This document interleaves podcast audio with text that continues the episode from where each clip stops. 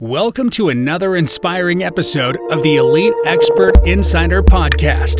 Hosts Melanie Johnson and Jen Foster are the owners of Elite Online Publishing. They're both Wall Street Journal, USA Today best-selling authors. We're really glad you're here because this podcast was designed for you. Meet industry experts that share their secrets and strategies. Get successful results for your business in money, relationships, health, and your life. Each episode is going to inspire you to take action towards reaching your greatness.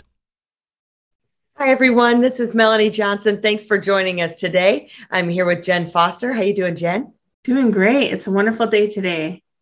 All right, we've got some serious serious stuff to talk about. And when I say serious, that means money serious.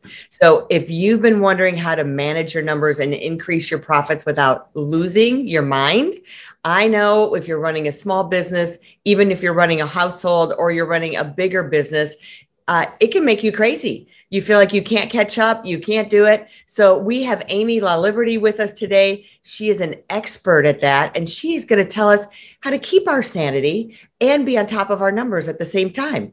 Hi, Amy. Thanks for coming. Thanks for having me. It's great to be here. So tell us, Amy, how you got into the finance world and how you became a virtual CFO. Sure. So I grew up with this fascination with money mostly with like how people make it and then how they spend it, but not really understanding like all the fine tuning things in between. And so when I, um, as I like finished up college and everything, I realized that I wanted to be, I wanted to have money somewhere in my career in terms of like it was something that was on the forefront. So I ended up spending the first part of my career working in colleges and universities helping them do like design fundraising programs not only from like a front end perspective but also in the back end. Like how do you create financial goals that create transformation for your organization? And over the course of that time i developed all of these skill sets that understood both the front and the back end of any business. And then when it came time for me to realize kind of like what is my second act if you will for my career i realized i wanted to start my own business because i knew that this was something that was missing in the world of small business. And so I started out and I made it very easy. And I was like, bookkeeping is what I was going to do. And then as time went on, I realized the expertise of like the analysis and the forecasting and all that was really in an elevated approach. And so that's where the virtual CFO and fractional CFO services got built in. And that's where I am now. So I work with six and seven figure business owners who are looking to have an intentional relationship with their money. Um, and that goes with like the tactical stuff, which is like the bookkeeping, the forecasting, profit first, but it's also the mindset work. So I have a certified coach that helps with the growth mindset that all entrepreneurs need in order to scale and create any financial goal they desire. Well, let's start with the mindset because that's usually always the building block. If you have the right mindset, then you can build the rest. You have the momentum. Um, what is the right mindset? I think that the so so I actually think that there's like a two prong approach to it. I don't think it's like the mm-hmm. mindset comes with the with um you know then the system because oftentimes people show up to me with the thought of I'm terrible at money.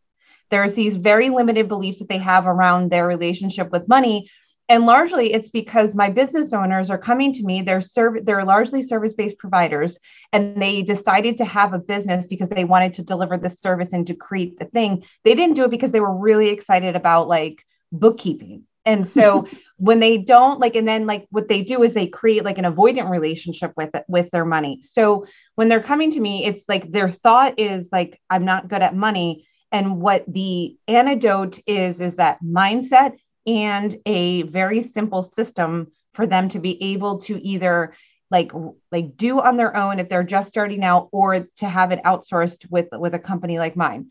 So it's it's this two prong approach but it's really like looking at both of them and then coming up with like a treatment plan if you will of how do we address the mindset issue and how do we address like building the system so that we can like do that. The system is fairly easy to do right? But it's the mindset work that takes the time. So it's really about like creating the reports, providing the information, and then really coaching them on their thoughts on these reports and then their thoughts on themselves and their ability to scale and grow in their business. Mm-hmm. I love that because that confidence. I mean, you can say, I'm not good with money, and your confidence in money is so low that it's hard to make money because you're constantly telling yourself you're not good with money. So you don't, it's like you're not attracting that money with the law of attraction, or even just the mindset of it can help, can make it so you don't have as much sales.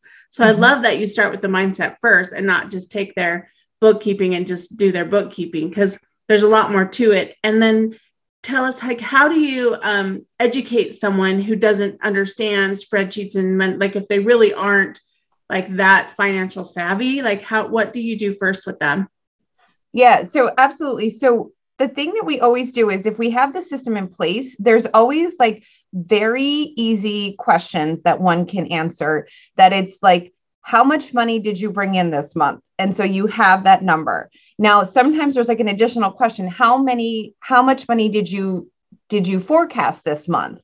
And it's that. So then there's like it's a very it becomes a very simple math equation. So if you thought you were going to bring in $20000 this month and you only brought in $10000 then like there's a $10000 gap why did that like what was it that happened so it could very well be well like this this client didn't pay um this sale I thought fairly confident was going to renew. It didn't. And they start to be able to exercise it. It begins to frame the story. Again, it doesn't address like the mindset issue, but it again begins to really start to poke holes at the thought. I'm not good at money. I don't understand numbers because you're telling the story of what's happening with the numbers mm-hmm. in that sort of a way. And then we go from there. So it's really about like building up the confidence of like, distilling what they see as like a whole spreadsheet of numbers and just isolating them and saying what happened on the revenue side, what happened on the expense side, and can we like and not have judgment on it. And so like that's the other thing too is like really coming to any sort of like financial meeting with like the like grace and love eh, to yourself that you are able to like do this and that you can do this. I'm not saying that it's going to be absent of negative emotion, but if you are able to come there with the openness that that these numbers are neutral and it's your thoughts about them is what's driving it, then like we like that's where like the start of the transformation happens. And then you talk about knowing the numbers can um, result in profit. So give us examples of that because so many people are like, "Oh yeah, it's it's it's that I don't need to look," or "Yeah, I had this expense and that." But really, when you take the time, you can analyze it, and then that transcends into profits. Show us how that happens for people and why it's important.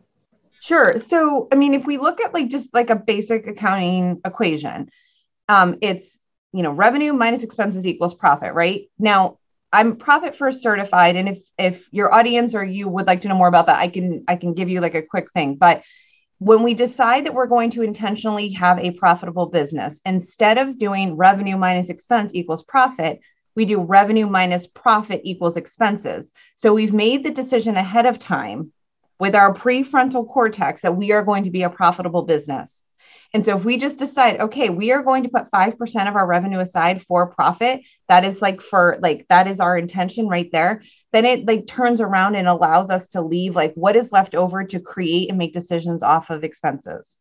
Now, one of the things that I think often comes um, that comes up with with clients is that if they are in a period of growth, sometimes they're going to be not sometimes there is a highly likelihood that during that growth and scale period, you're going to have losses in your business. That doesn't indicate that there's a problem. It's an indication of, I, again, I intentionally decided I was growing and scaling this business. I made a plan. This is the plan. I knew going into this there was going to be losses. I'm not going to panic when I see a negative number at the bottom of the spreadsheet. But what I am going to do is decide how am I going to evaluate the things that I'm doing in, in spirit of growth and scaling? And how do I know if it's going to be working or not? Or and do I need to make adjustments and pivot? And I think oftentimes that's what doesn't happen is that there's not the intention in the relationship to review the numbers. And then it becomes like, I'm just going to be blind to it and avoid it and then not make the adjustments that need to be made in order to create the result. Mm-hmm. I like how you say that because a lot of times people will look at the the red and they're like, "Oh man, yeah, we're negative. That's a horrible, horrible." Instead of looking at, "Oh, we put this into marketing and this into product and we did this into development and we're growing and scaling our business, which is a success, right?" So I like how you ha- start with that intention of, you know, this is the how amount we're going to make, and then what's left over for expenses. That's how much we can spend. I really like that that view of it. And also, I was thinking you, you, made the point of really your business is a living, breathing entity. Like, okay, 5% has to get, like, the business has to get paid. Address mm-hmm. that because I think a lot of people don't realize that they pull the money out and then the money, the company doesn't have any money to grow or operate. Yeah. So I think what often happens, and I mean, I'm talking about like small businesses like and in my like the where i operate in the space is i work with business owners that are generating 10 million dollars in un, under in, in um, annual revenue. So in terms of that i think what happens is is there's this whole notion of like i'm going to spend all this money because i need to scale and i'm in the early stages of my business. So of course i'm going to do that. And and so the first thing that i i always question is like number one is this an intentional plan? Are we really making the investments that we need to be made into it? And are we intentionally driving um, driving expenses into like a loss category in a way that like is in the spirit of growth?